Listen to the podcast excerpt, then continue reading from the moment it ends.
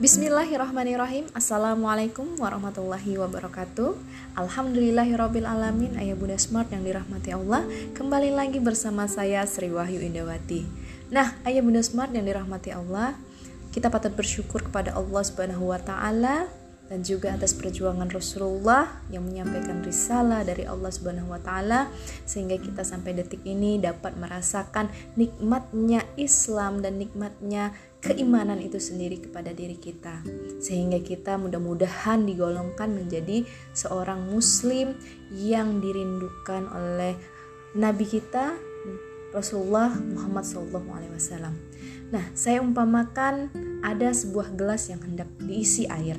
Namun di atas bibir gelas itu masih nangkring tutupnya.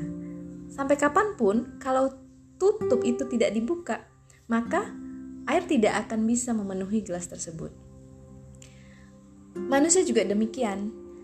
Akan sangat sulit sekali kita mendapatkan pengetahuan dan ilmu-ilmu baru jika kita ini masih tetap dalam kondisi tidak open mind. Artinya tidak membuka pikiran kita. Nah, kita merasa sudah cukup.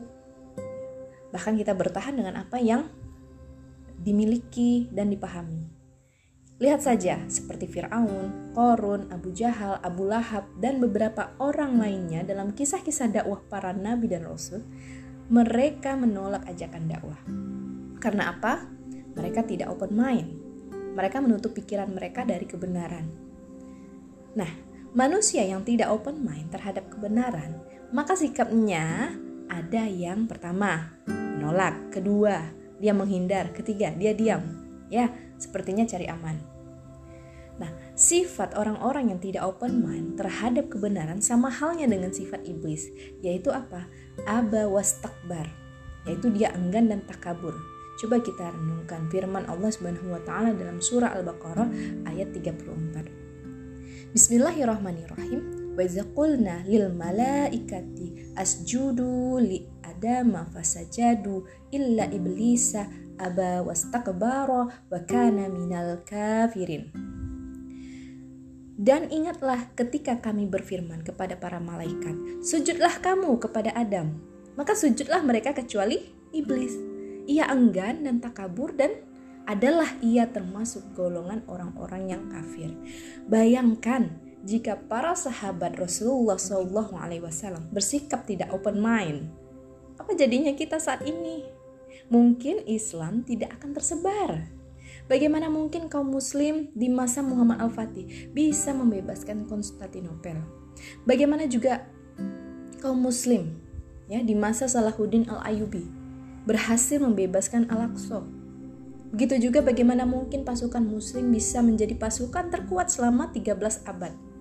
Tentunya keberhasilan tersebut karena masih ada manusia yang open mind. Demikian juga dengan dakwah hari ini. Jika kita tidak open mind terhadap dakwah, bagaimana mungkin kaum muslim bisa bangkit dari kemunduran berpikir? Bagaimana mungkin kaum muslim menjadi khairu ummah, yaitu sebaik-baiknya umat dan lepas dari kezaliman. Dan juga bagaimana mungkin generasi muslim mampu memegang tongkat kepemimpinan sebagai khalifah fil ard, yaitu pemimpin di muka bumi, sebagaimana seperti yang Allah Subhanahu wa taala janjikan. So, kalau begitu kita harus bagaimana?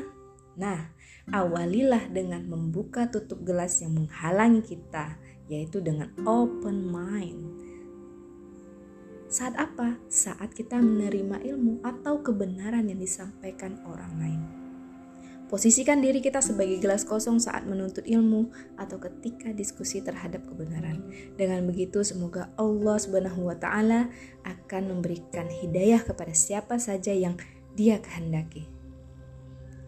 Allah alam bisawab. Semoga bermanfaat. Wassalamualaikum warahmatullahi wabarakatuh.